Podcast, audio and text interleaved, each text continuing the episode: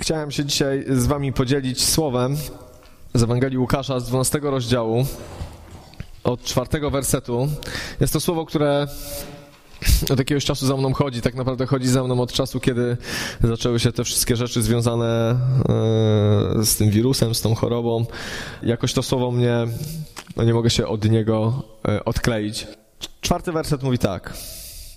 Ewangelii Łukasza. Jezus mówi do, do swoich uczniów. Mówię wam, moim przyjaciołom. Chciałem, tak może poszatkuję troszeczkę ten werset, ale, ale chciałem zacząć od tego, od tego zwrotu. Mówię wam, moim przyjaciołom.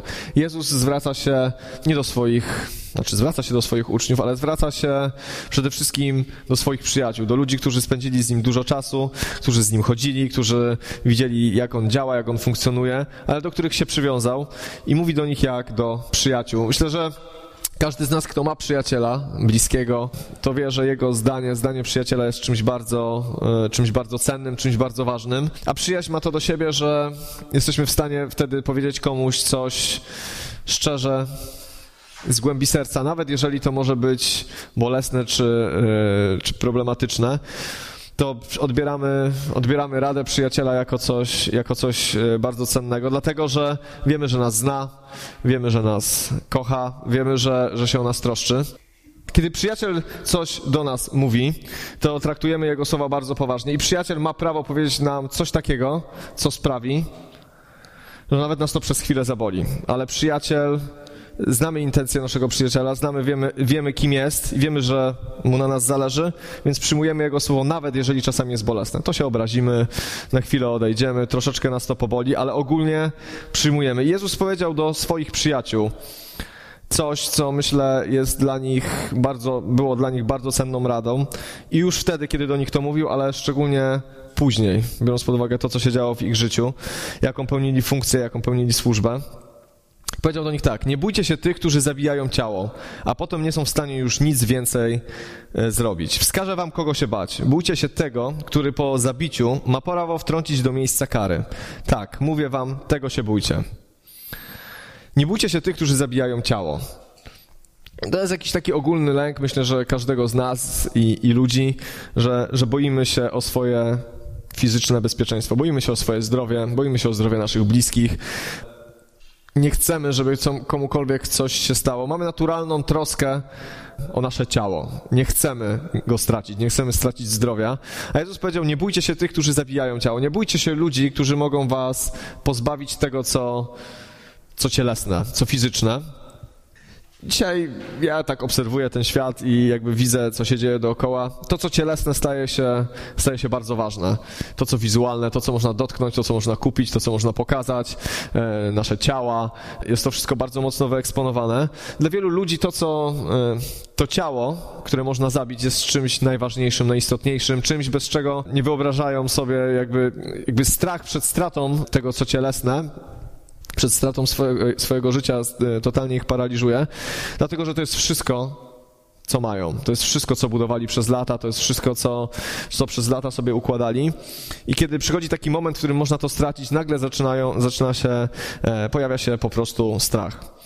Ale później jest napisane, że ale ci, którzy zabijają ciało, potem nie są w stanie już nic więcej zrobić. Nie są w stanie nic więcej dokonać z twoim życiem.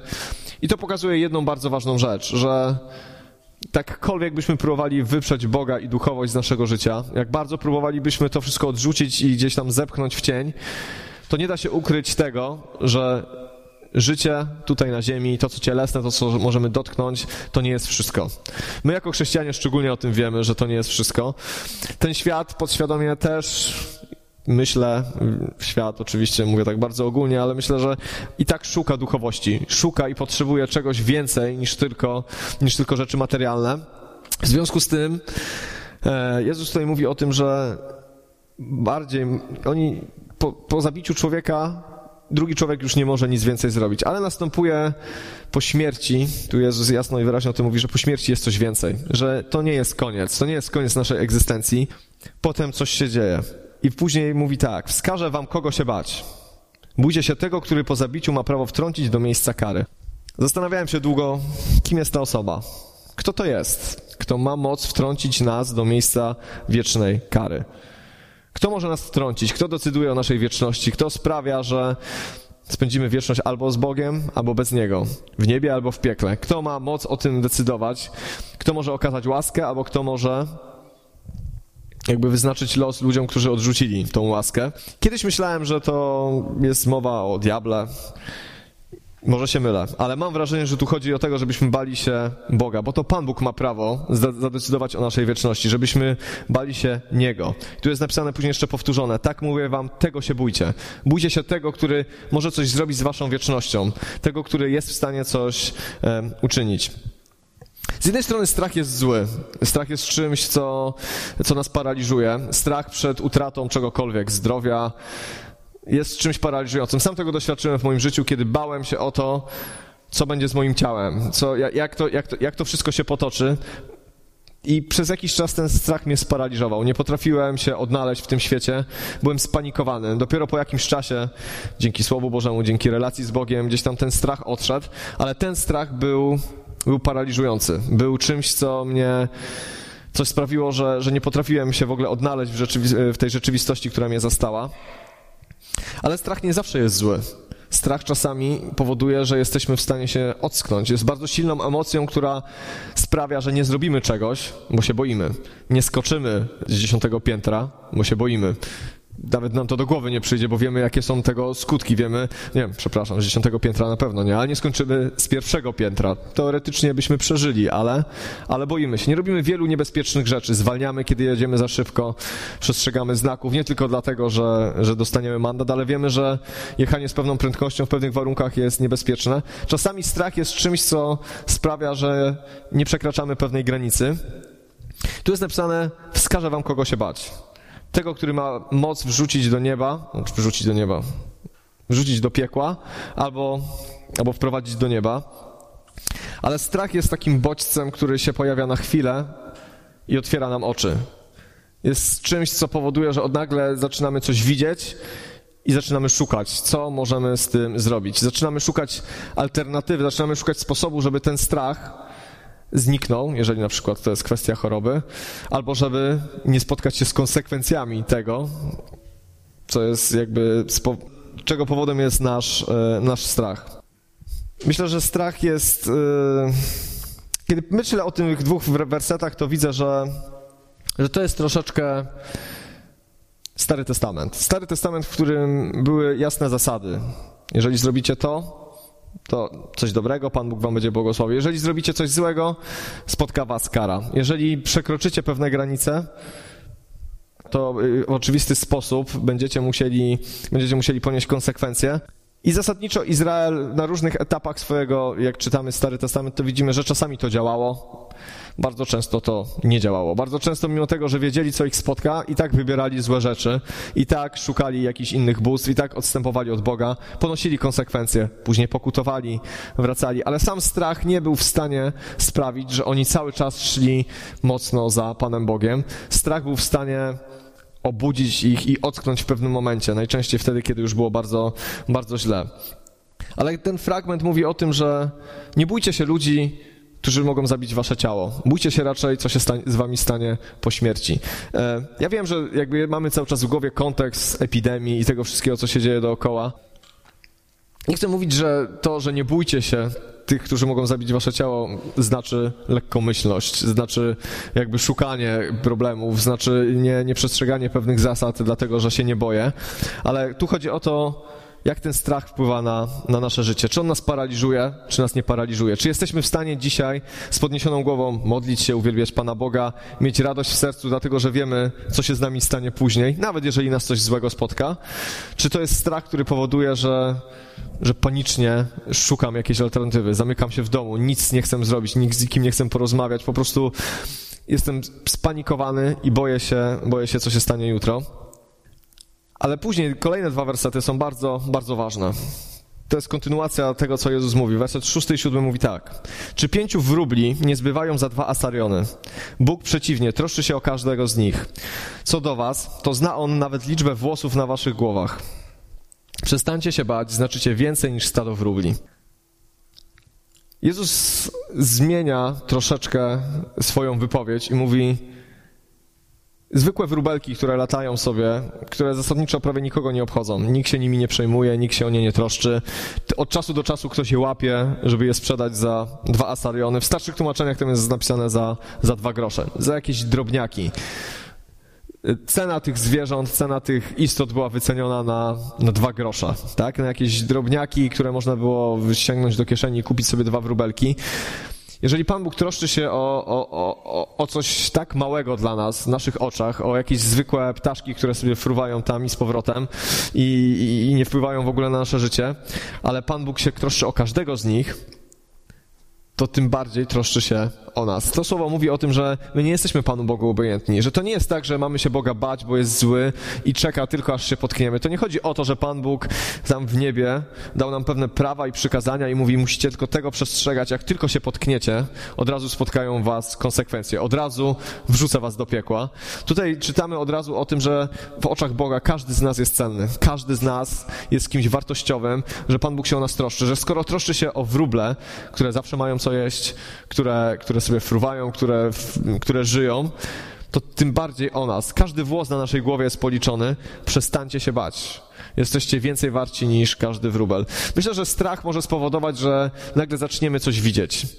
Kiedy człowiek zderza się z faktami w swoim życiu, kiedy człowiek zaczyna wychodzić z takiej bańki myślenia o tym, że wszystko jest cudownie, że wszystko jest wspaniale, że wszystko mi się w życiu układa, ale zderzy się z faktami. Potknie się pierwszy raz, coś mu się nie uda, zachoruje. Wtedy nagle otwierają nam się oczy. Zaczynamy widzieć rzeczywistość, która nam się wcale nie podoba i budzą się w nas pewne emocje. Czasami budzi się w nas strach, czasami budzi się w nas lęk, ale czasami takie miejsce, w którym się przestraszymy, powoduje, że zaczynamy szukać jakiegoś rozwiązania. I możemy oczywiście wpaść w panikę i szukać tego rozwiązania po ludzku, swoimi sposobami, albo możemy zacząć szukać Boga, bo Pan Bóg dał obietnicę, że ja się o was troszczę. Nie bójcie się, nie bądźcie bojaźliwi, nie bądźcie ludźmi, którzy, e, którzy w obliczu jakiejś, jakichś problemów, jakichś rzeczy, które nam się nie podobają, tracą poczucie bezpieczeństwa, bo ja jestem przy was. Myślę, że strach jest w stanie nas ocknąć, ale nie jest w stanie nas trzymać przy Bogu. Strach spo, może spowodować, że do niego przyjdziemy, bo będziemy się czegoś bać, bo będziemy bać się różnych rzeczy, które się dzieją. Być może ktoś się będzie bał piekła, bo zobaczy w jakim jest miejscu. Ale jeżeli przyjdziesz do Boga, to strach cię tam nie utrzyma. Strach cię nie utrzyma przy Chrystusie. Kiedy poznajemy Chrystusa, to widzimy kochającą twarz, widzimy, widzimy, widzimy Boga, który zszedł na ziemię, żeby umrzeć za każdego człowieka, żeby dać nam życie. I kiedy poznajemy Chrystusa, czujemy się zaakceptowani, czujemy się bezpiecznie, nasze grzechy zostają przebaczone. Nagle czujemy akceptację i miłość i możemy w końcu rozkochać się w Bogu. To, co nas trzyma przy Bogu, to nie strach. To, co nas trzyma przy Bogu, to, to relacja, to troska, to to, że Pan Bóg jest blisko każdego z nas. Jezus powiedział, że ja przyszedłem po to, żeby dać życie i to życie w obfitości, żeby, żeby ściągnąć z nas ciężary. Żyjemy w tym świecie. Będą nas spotykać różne trudne rzeczy. Będą, będziemy się borykać z różnymi rzeczami, które wcale nam się nie podobają. Ale pytanie dzisiaj dla mnie, jako dla człowieka wierzącego i dla każdego z nas jest takie, co z tym robimy? Jak się, jak się, jak się, co robimy w tej sytuacji, która nas zastała? Jaką mamy postawę? Co mamy w naszych sercach? Ja wierzę w to głęboko, że jeżeli człowiek jest motywowany życiem dla Boga, jeżeli ma tą świadomość, że, że jest coś dalej, jest coś więcej, że, że nie wszystko, co nas dobrego w życiu spotka, musi nas spotkać tu na ziemi. Jest cała wieczność z Chrystusem. Jeżeli jesteśmy ludźmi, którzy kochają i szczerze wierzą w to, co Chrystus dla nas zrobił, nasze życie jest inne. Nie boimy się. Nie boimy się różnych rzeczy, które nas mogą spotkać. One nas mogą boleć, możemy się z nimi nie zgadzać, ale gdzieś w głębi serca mamy pokój, bo wiemy, że On jest koło nas, że On się o nas troszczy, że On nas nigdy nie zostawi.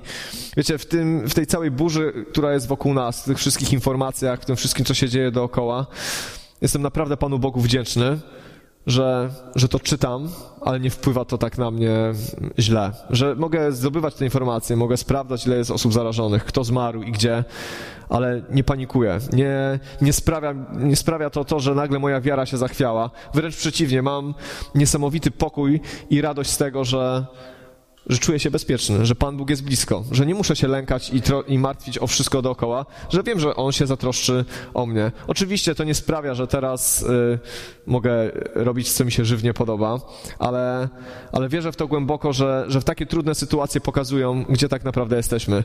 Kiedy pojawiają się problemy, kiedy, kiedy pojawia się strach, kiedy pojawia się lęk, takle w naszym życiu Gdzieś na bok odchodzi, e, odchodzą nasze, nie wiem, e, intelektualne zdolności, nasze umiejętności w pracy. Gdzieś na bok odchodzą rzeczy, które są związane z naszymi umiejętnościami. Nagle pojawiają się, przepraszam, nazwę to tak jakieś pierwotne instynkty. Takie pierwotne rzeczy, które się pojawiają. Strach, lęk, zmartwienie. Nagle wszystko to, kim byliśmy, czego się nauczyliśmy w życiu, przestaje mieć znaczenie, bo zaczynamy się realnie czegoś bać. W obliczu śmierci człowiek nie myśli o tym, że ma bogate życie zawodowe, że zna sześć języków. W obliczu śmierci człowiek, bez Boga, tak mi się wydaje przynajmniej, czuje lęk i strach, bo nie wie, co go za chwilę spotka.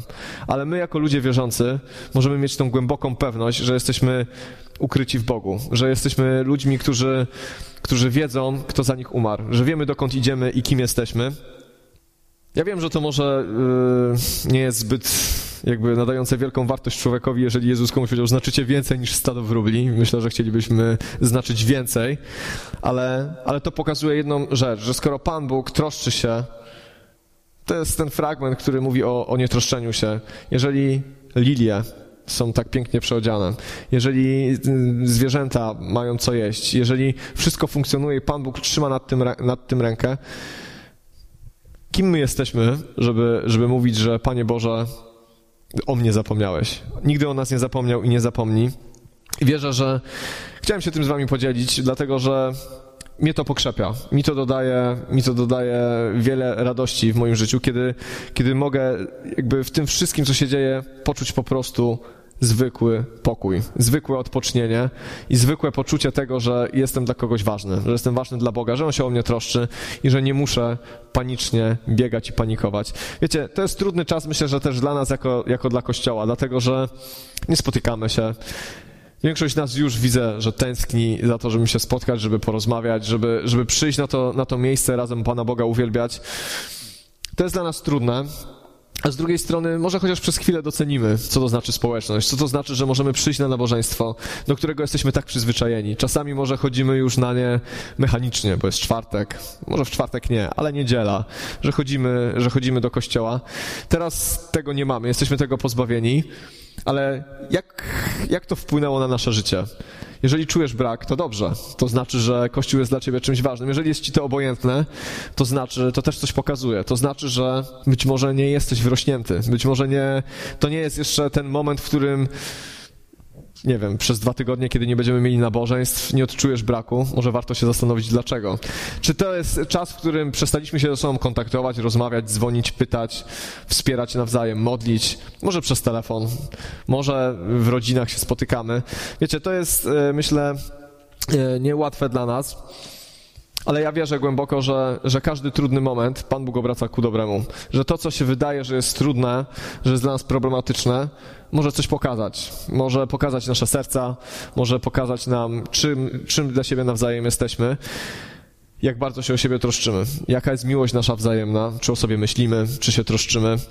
A po drugie, Pan Bóg może obrócić ku dobremu, dlatego że wierzę, wierzę w to głęboko, że trudne momenty i trudne chwile nas tak naprawdę kształtują dołki, problemy, trudne rzeczy budują naszą tożsamość, pokazują, uczą nas tego, kim dla nas Pan Bóg jest tak naprawdę na co dzień. Nie kim jest dla nas, kiedy jest wszystko dobrze i, i, i poprawnie e, wszystko się dzieje i wiemy, jak się modlić, wiemy, jak się odzywać, wiemy, wiemy, jak się zachowywać w kościele, ale kiedy przychodzą problemy, kiedy coś się zachwieje, kiedy zachwieje się nasza rutyna, kiedy zachwieją się nasze standardy, takie codzienne, nagle zaczynamy widzieć, kim on tak dla nas naprawdę jest i możemy może to nas ukształtować, może nas to zmienić, możemy go poznać bliżej i mocniej, możemy go mocniej poszukać. Dlatego chciałbym Was zachęcić do tego, żebyśmy w tym trudnym czasie, dla nas, nie wiem, w pracy, w domu, gdziekolwiek jesteśmy, bez siebie, żebyśmy nie zmarnowali tego czasu na, na robienie nic, żebyśmy szukali Boga, żebyśmy szukali Jego obecności,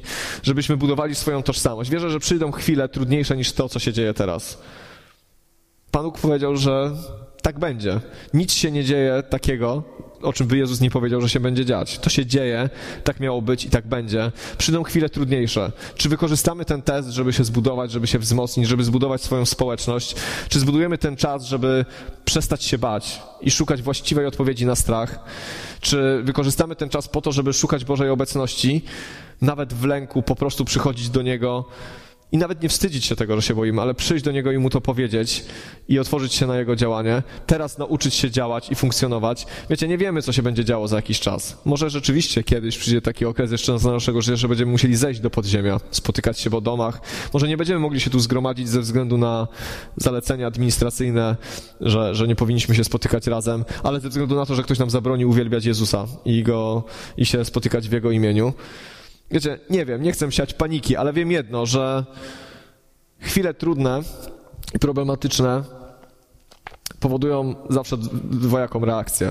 Albo poznajemy bardziej Boga, albo się do Niego zbliżamy, albo poznajemy Jego oblicze inaczej, tak jak mówił Job. Wcześniej znałem Cię tylko ze słyszenia, a teraz widzę Cię twarzą w twarz. Albo mamy taką postawę w trudnych chwilach, że Go szukamy i Go potrzebujemy, Albo odwracamy się, szukamy rozwiązań tego świata, karmimy się rzeczami tego świata, e, szukamy standardów tego świata, albo po prostu odwracamy się i obrażamy się na Boga i mówimy: To przez ciebie. Jak mogłeś do tego dopuścić? Wiecie, ja wierzę głęboko, że każdy z nas dzisiaj przed tym wyborem stoi. I chciałem siebie i, i Was zachęcić do tego, żebyśmy, żebyśmy ten czas poświęcili na to, żeby szukać Bożej obecności, żeby zatroszczyć się jeden o drugiego, żeby mieć relacje, żeby żeby nie przesiedzieć tego czasu, nie biadolić, ale po prostu budować się i wspierać i po prostu przestać się bać. Mówiłem to już w niedzielę, powiem to jeszcze dzisiaj. Wierzę, że to jest dla nas szansa. Wierzę, że ludzie na nas patrzą. Jesteśmy dzisiaj świadectwem tego, kim jest dla nas Bóg. Już nie w warstwie werbalnej, że mówimy, że wierzymy w Boga, ale dzisiaj swoją postawą, zachowaniem, tym, co mamy w sercu, tym, jak się wyrażają nasze usta, tym, czy jesteśmy w stanie komuś pomóc, czy nie. Dzisiaj to wyraża to, kim jesteśmy tak naprawdę. Możemy dzisiaj wielu ludziom wskazać na Chrystusa, bo oni go potrzebują. My go poznaliśmy. My poznaliśmy Chrystusa i możemy czuć ten pokój, możemy odnaleźć się w nim, ale wierzę, że są ludzie wokół nas, którzy tego pokoju nie mają. I szukają go, bo ja widzę, że szukają. Ludzie szukają odpowiedzi, szukają jakiejś pewności, szukają jakiegoś mocnego fundamentu, na którym mogą stanąć. A my to wszystko, my to wszystko mamy. Dlatego nie chcę już dłużej mówić. Wiem, że dobrze słychać w końcu, więc yy, można by było mówić więcej, ale myślę, że to jest czwartek, jest takim, takim też dniem i chciałbym, żeby to był też zwykły czwartek, w którym po prostu się modlimy, w którym po prostu yy, gdzieś tam wylewamy swoje serca przed Bogiem. Dlatego chciałbym, żebyśmy teraz troszeczkę czasu poświęcili na modlitwę. Wiecie, może będzie nam trudniej, bo jest tutaj kilka osób, więcej jest przed, e, przed ekranami, ale jeżeli macie jakąś prośbę, to proszę Was, napiszcie na czacie. Pomodlimy się. Myślę wspólnie. To może jakaś taka nowa, interaktywna wersja modlitwy, ale mamy, mamy możliwości, więc y, po prostu z nich y, skorzystajmy. Wiem, że jest na pewno jedna prośba, taka bardziej dziękczynna. Y, modliliśmy się kilka tygodni temu o brata Kazimierza Sosulskiego. Miał bardzo poważną operację płuc, ale już wrócił do domu, już przechodzi rehabilitację i naprawdę dzieje się to szybciej niż, niż lekarze przewidywali, więc mamy za co dziękować. Myślę, że moglibyśmy też dzisiaj jeszcze się pomodlić o, o to, o co modliliśmy się wczoraj, czyli o nasze państwo, o lekarzy, o ekonomię, ekonomię, o rządzących i przede wszystkim o to, żeby to, co się dzieje teraz już się skończyło, żeby ten wirus gdzieś tam się skończył. W związku z tym e, jeszcze bym poprosił może e, e, dziewczyny, może jeszcze coś zagramy, zaśpiewamy.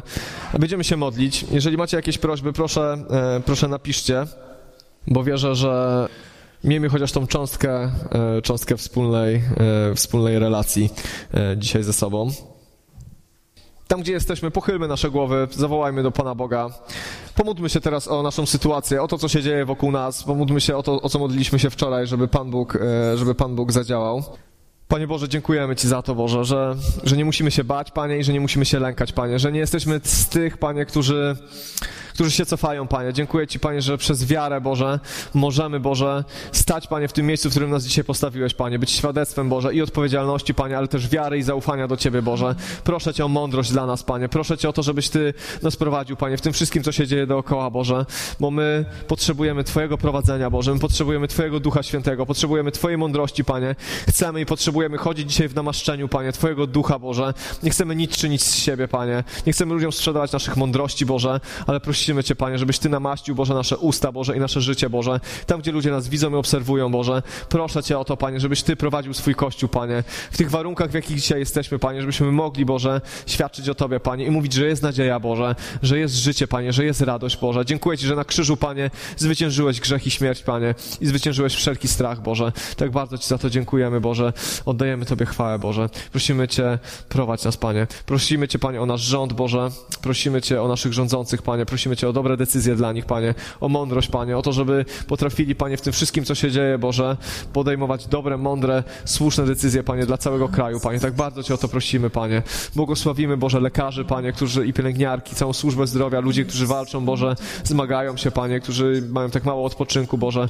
Błogosławimy ich, Panie. Prosimy Cię o Twoje prowadzenie, Boże. Prosimy Cię o to, Panie. Prosimy Cię o ekonomię, Panie. Ty wiesz, Panie, co się dzieje, Boże. Ile osób ma problemy finansowe, Panie, i też oddajemy to w Twoje ręce, Panie, bo wierzymy, że jakkolwiek my nie jesteśmy w stanie na to wpłynąć, Boże, jako ludzie, to Ty jesteś Bogiem cudów, Panie, i Ty możesz uczynić coś wielkiego, Panie. Prosimy Cię o to, Boże, i w imieniu Jezusa Chrystusa, Panie, modlimy się, niech ta epidemia, niech ten wirus, Panie, niech to się skończy, Boże, niech wszystko wróci do normy, Panie, tak bardzo Cię o to prosimy, Boże.